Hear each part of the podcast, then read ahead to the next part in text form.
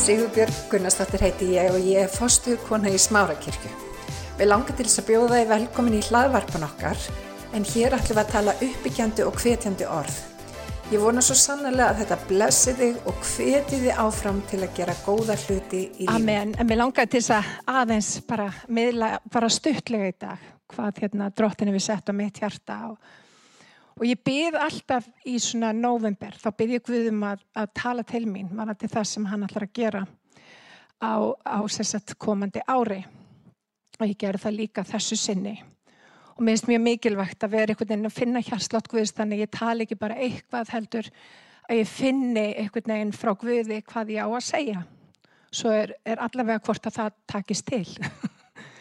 En ég byrð og hérna og svona til þess að kannski að að fara yfir síðasta ár þá eru ótrúlega margir sem eru bara fegnir að það ár er búið. Og ég get alveg skilið það að mörguleiti uh, fyrir mig og mitt hús síðasta ár var bara alls ekki slæmt. Það var mjög gott. Og ég talaði mikið um það á síðasta ári um rætur og hvernig treð út af því að þessi myndlíking varandi treð og hvernig við um að bera ávöxt hún er svo oft nefnd í rítningunum og það er svo sérstakt þegar maður horfir á það að Guð, sko, það sem er í hennu náttúrulega er mynd er mynd af, það, af því sem að Guð er að gera í hennu andlega og í ár að þá hefur við staðið svolítið bara kjur, ekki satt. Það er búið að vera bara allt einhvern veginn á, á hraða sníelsins. Og mér finnst það góð mynd emitt upp á treð, það þarf að vera á einum stað til þess að það skjóti rótum. Og ég hef líka mjög mikið talað um það á þessu ári að það er ymmit í erfileikum þegar það er myrkur vetratímin eða næturtímin sem að ræturnar af trénu fara niður. Þannig að í Guðsríkinu að þá skiptir ekki öllum áli hvernig tréð lítur út fyrir ofanjörðu. Það sem að skiptir öllum áli er hvernig tréð lítur út fyrir neðan yfirborðið. Og ég held að mörguleiti að þá hafi síðasta ár verið ótrúlega mikilvægt að staðsetja okkur á réttum stað. Við höfum verið kjör, við höfum verið í erfiðum aðstæðum, svolítið svona undir ákveðinu þrýsting, óvissu. Og það hefur gert að verkum að rætur okkar hafa farið niður. Og hvað gerist vinir þegar rætur okkar fara niður? þá erum við bær til að bera ávöxt. Og, og ég held, mín tilfinning fyrir þessu komandi, þessu nýbyrjaða ári, er svo að við munum bera mikinn ávöxt. Ég held að tími ávöxtar sé rauninu upp. Uh, og ég ætla bara að bera rosalega mikinn ávöxt. Og ég vil skora þig að gera það sama. Þetta er áriðinir, það sem við ætlum að breyta bara ákveðinu hlutum. Við ætlum að vera besta útgáfana sjálfum okkur. Og mér finnst oft gott um áramót einhvern veginn að taka svolítið svona stöðuna.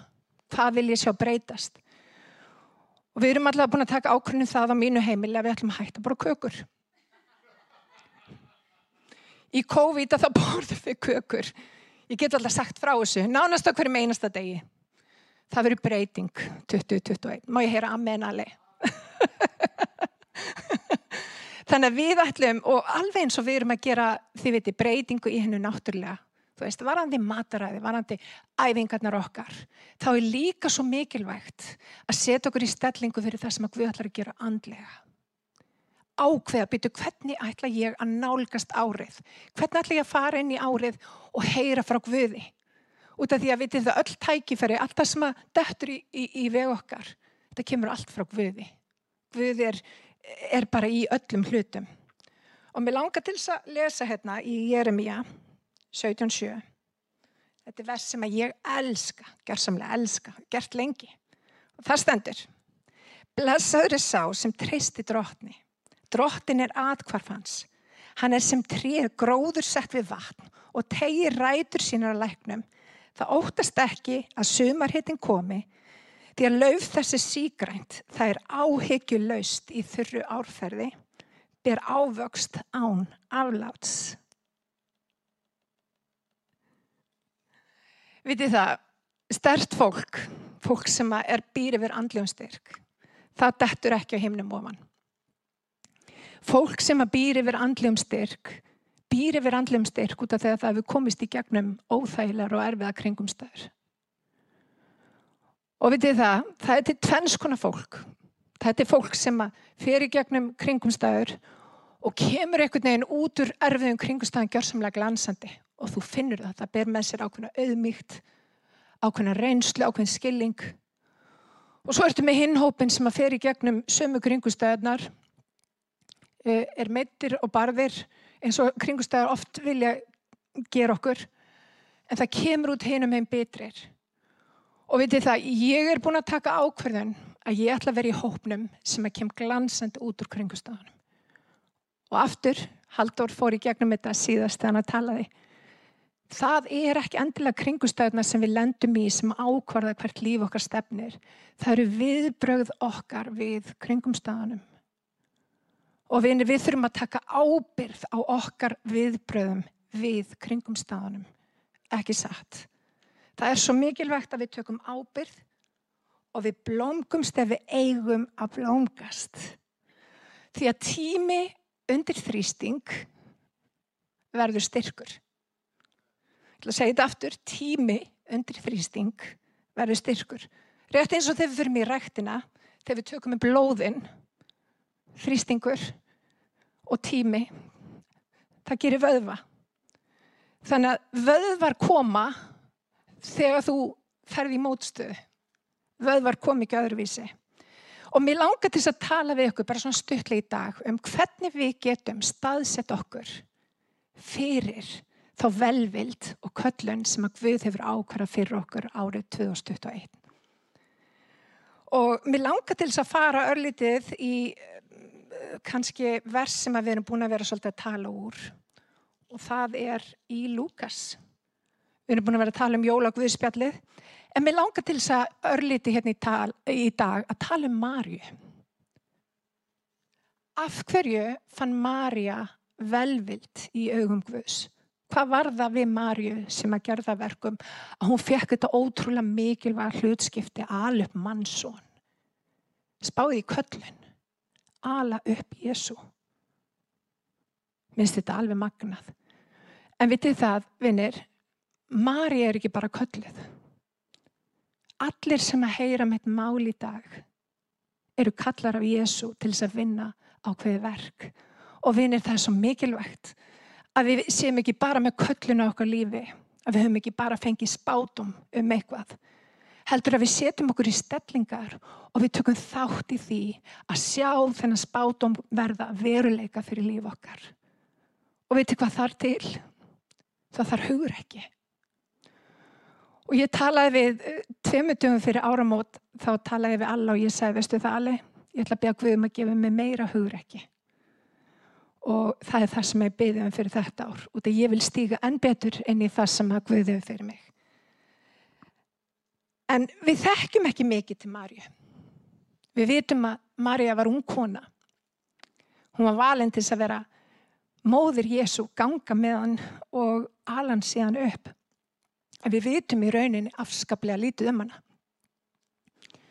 Við höfum engan svona bakgrunn, veist, hvernig hún var alin upp eða neitt slíkt. Það eina sem við, sem við sjáum á Marju er bara þegar engillin byrtist henni. Og mér langar til að lesa hérna nokkur vers og það er í Lúkasi 1 og við ætlum að byrja hérna í versi 28.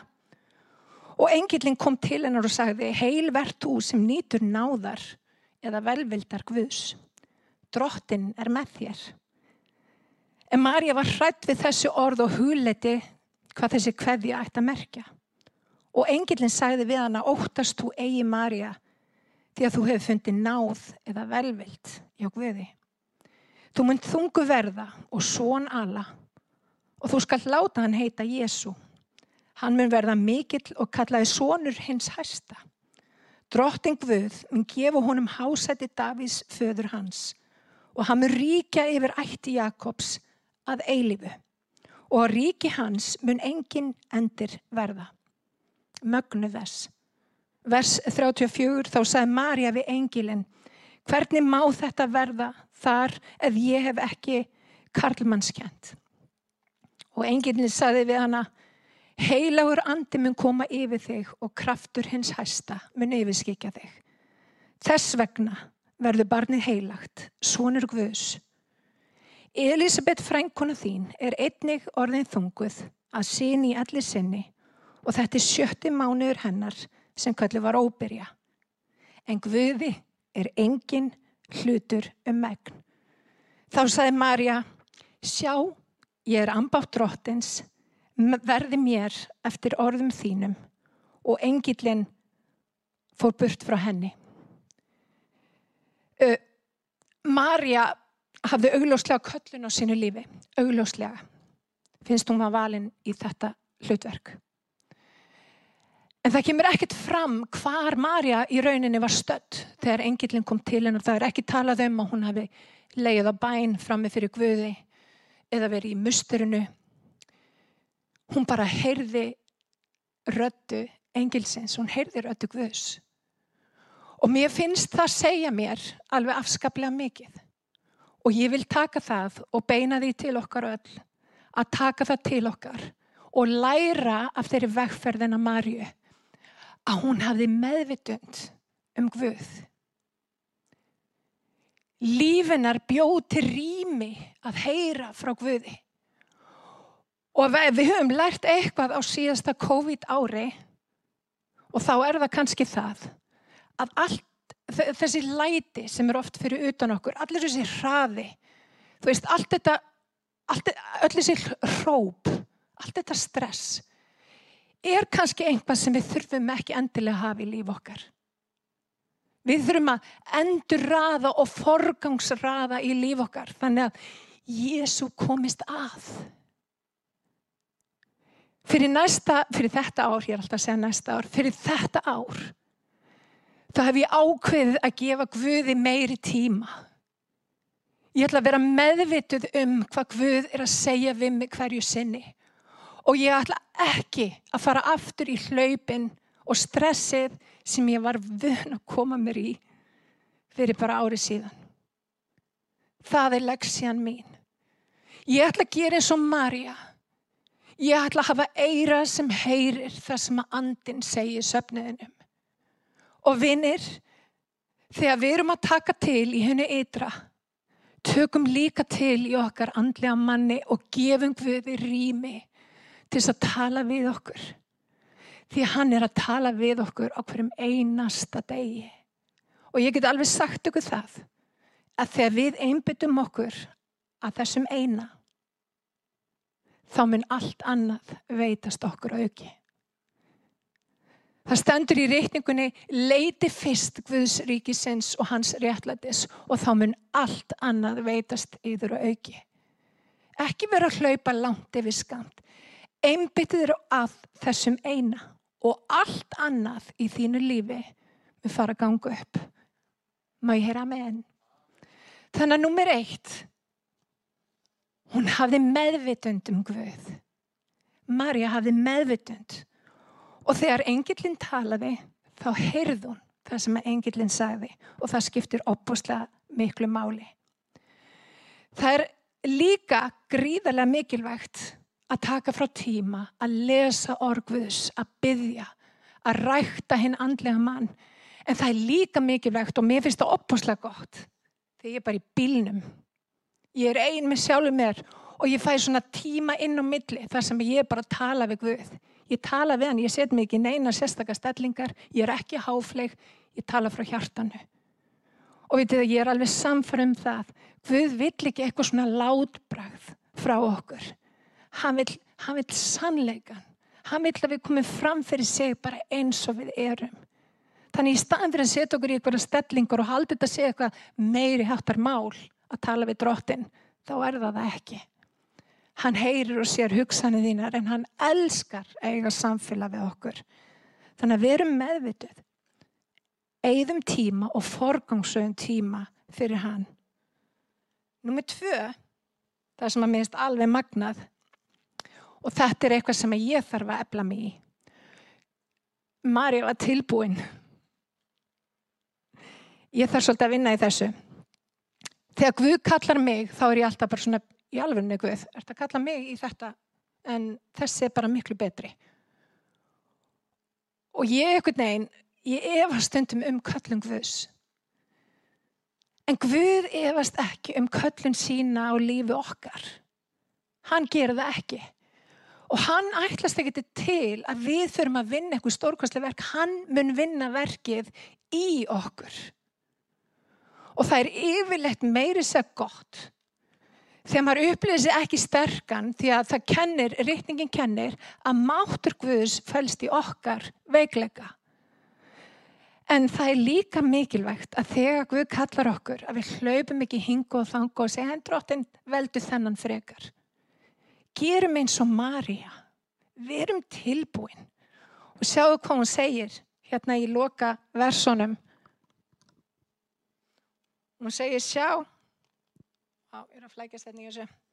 Sjá ég er ambátt drottins verði mér eftir orðum þínum.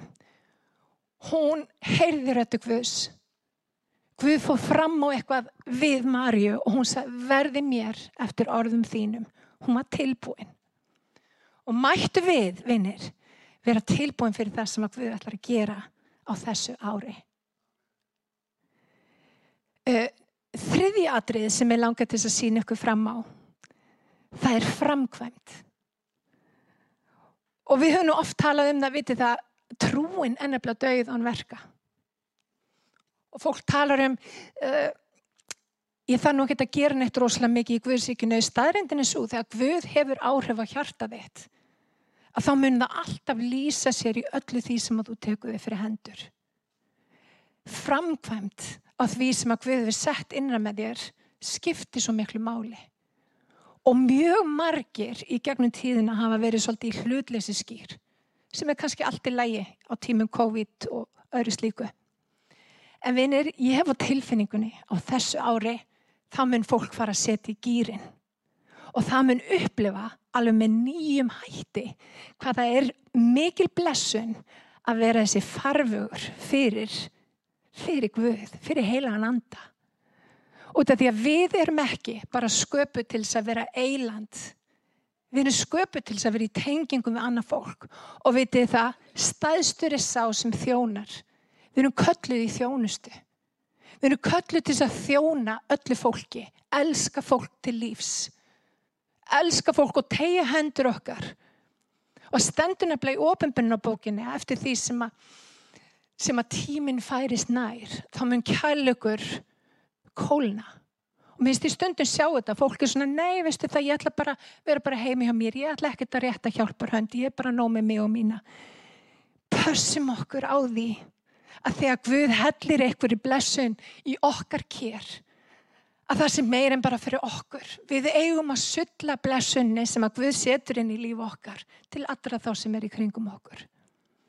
Við eigum að vera eins og stendur í Salmi 23 byggar sem flæðir yfir. Vinni, fólk á að upplifa náð og sannleik þegar kemur í tæri við okkur. Og náðin er þannig að hún er ekki bara fyrir mig, hún, velvildin, hún kemur yfir á aðra. Við snertum annaf fólk með velvild Guðs. Má ég heyra með? Þannig að alla ætlar að gera meira á þessu ári. en hún var tilbúin vinnir.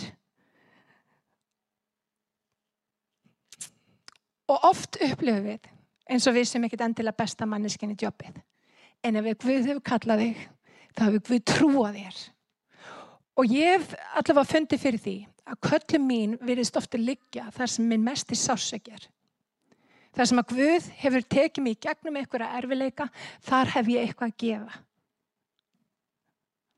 Þannig að vinir við erum ekki bara heyrendur við erum líka gerendur framkvæmt það er ekki nóg að vita köllunni það er ekki nóg að fá spátuminn Við þurfum að stíga fram í smörninguna.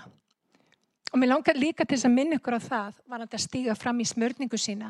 Jésu var ekki kallaðu Kristur fyrr en hann steg inn í þjónustu sína. Kristur þýður nefnilega hinn smörði. Það sama gildur um okkur. Það kemur þessi smörning inn í líf okkar þegar við göngum inn í tilgang okkar. Þegar við göngum í þjónustu, þá kemur smörning og margir kannski spyrja sér smörning hvað því það. Biblían kennir að smörningin hún brítur okið. Það er kraftur Guðs í líf okkar sem að brítur það ok um leið og við göngum inn í þjónustu. Þannig að ekki missa þeirri smörningu sem fælst í að stíga inn í þjónustu. Númið þrjú framkvæmt. Númið fjögur tenging. Ég hef tekið eftir því að tengingar við fólk skiptir gríðarlega miklu máli. Við þurfum að velja þá sem er í kringum okkur. Og Marja, engillin saði við hana, hann saði frændkona þín Elisabeth. Elisabeth, Elisabeth var tölvöld eldri Marja og hvað gerir Marja þegar engillin fer? Hún flýtir sér til Elisabethar. Og þegar hún kemur til Elisabethar þá veitum við hvað gerist. Lofurðið það stekkur í maganum hennar, ekki sagt. Og það er það sem að gerist þegar við erum í kringum fólk sem að, sem að hefur eitthvað að segja við okkur. Vitið það, ég hérna, þroskaðist alveg óbúslega mikið þegar ég fekk mentor í mitt líf. Og ég mæli með því á göngun með Guði að þú hafir eitthvað sem þú getur leita til, sem að þú getur þegið ráðlegginga frá, eitthvað sem að aðstofa þig á göngunum með Guði. Okkur er ekki ætlað að vera eiland. Og sem að skiptir líka ótrúlega miklu máli, vinir, að við pössum hverjir er í okkar einstarring. Að við veljum vel vin okkar að við veljum ekki fólk sem að gera bátin okkar lekan. Út af það eru sumir sem eru bara í því að gera gött á bátin okkar. Hvað gerist þegar komið gött á bátin? Hann sekkur. Og vinir, við eigum ekki að vera með vini sem að gera bátin okkar lekan. Heldur eigu við að leita til fólk sem hefur kannski meiri reynslu, er búin að komast í gegnum kringum stöðnar. Og eins og ég talaði um áðan, er glansandi af reynslunni kemur út betri en ekki betur. Leitum í þannig fólk og viti menn þeir muni sjá hvernig það hefur áhrif á allan framgangi ykkar í Guðsíkinu. Þannig að nummið fjögur tenging skiptir rosalega miklu máli. Og nummið fimm, fymta atrið sem ég vil benda ykkur á sem að Marja gerði. Hún játaði lofur Guðs fyrir lífsitt. Hún hóf lofsöng stendur í kaplanum.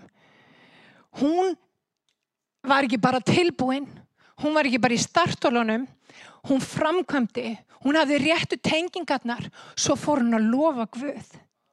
Svo fór hún að lofa Guð og hvað gerist vinir þegar við fyrum að, að lofa Guð og við fyrum að lýsa yfir lofórðum Guðs fyrir líf okkar þá sjáum við hvernig, hvernig nýtt verður til. Hvernig skapaði Jésu heiminn? Hann talaði. Og hann hefur gefið okkur upprinsu kraft sem býr innan með okkur. Þannig ef þú vilt sjá eitthvað í lífiðinu, talaðu út það sem að Guð hefur gefið inn í hjartað þitt. Talaðu það út. Og ekki býð eftir að sjá hlutin að verða veruleika áður hún byrja að lofa hann. Það sem að við gerum Við fáum orð frá Guði, við fáum köllin frá Guði og við förum strax að lofa hann. Við förum að segja drottin, ég þakka þér að þú ert stór og þú ert mikill og þú hefur gjört förðuverk og þú ætlar að nota það litla sem ég hef fram að færa og þú mynd blessa það markvallega. Þannig að mér langar til að lesa fyrir ykkur það sem að Marja gerði og þetta er svo magnað og ég vona svo sannarlega að við getum tilengað okkur þetta lofsöngur. Og í versi 48 það stendur svo því að hann hefur litið til ambáttar sinnar í smæð hennar. Hérðan af munu allar kynnslóði með sæla segja. Númið 49 því að mikla hluti hefur hinn voldi við mig gert og heilagt er nafnans. Hún lýsir því yfir hver hann er Hún lýsir því yfir að Guð er stór og hann er mikill. En vinnin hún gerir meir en það. Hún lýsir því líka yfir hver hún er í honum. Og vinir, þegar Guð hefur kallað okkur og allir sem eru að horfa á mér í dag eru með köllin frá Guði. Allir. Ef að Guð hefur kallað þig, þá er engin annar sem að getur unnið þitt verk nema þú. Engin annar. Ef að Guð hefur kallað þig, þá hefur hann full að trúa þig líka. Og vinir, ég trúi því að þetta er ár þar sem við munum sjá reysa sigra. Af hverju? Því að það verði ekki bara möguleikar. Við munum sjá möguleikana verða að veruleika. Fólk mun raunverulega stíga inn í þau tækifæri sem að Guð hefur fyrir viðkomandi. Og þetta er árið, vinir. Það sem við dustum rikið af öllum þeim spátumum sem hafa verið talaðri við líf okkar. Við dustum rikið að þeim og við segjum drottin, ég ætla að stíga fram sem aldrei fyrr. Ég ætla að stíga fram og ég ætla að sjá þessi lofvorð verða veruleika. Ég ætla að vera eins og Marja. Ég ætla að vera tilbúin. Og ég ætla að vera meirinn tilbúin. Ég ætla að framkoma bara um leið og þú gefur mér leiði til. Og ég ætla að lofa þig. Og ég ætla að passa tengingarna mínar. Ég ætla að leita til fólk sem veit jafnvel meira en ég veit. Og ég ætla að vera blessuð. Og ég ætla að bera ávöxt. Alveg sama hvaða tíð er að koma, ég ætla að bera ávöxt. Ég vil í þurka tíð.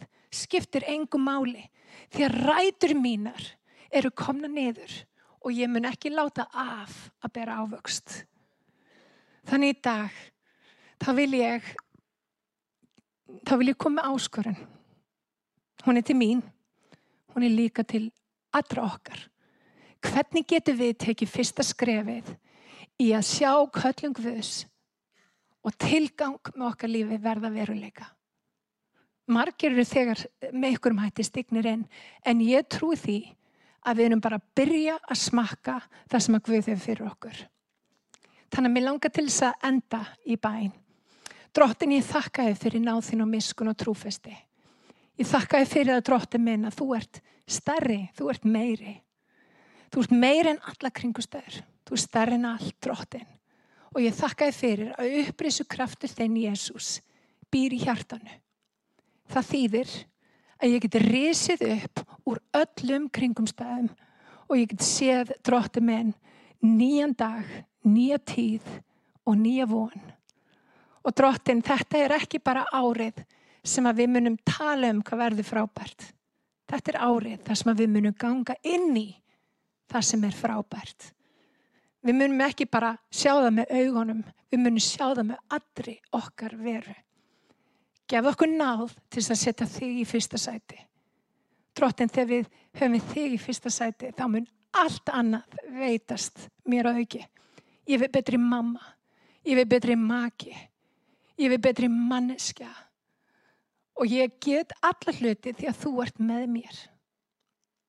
Og drottin ég byrð fyrir einum og sérkverum.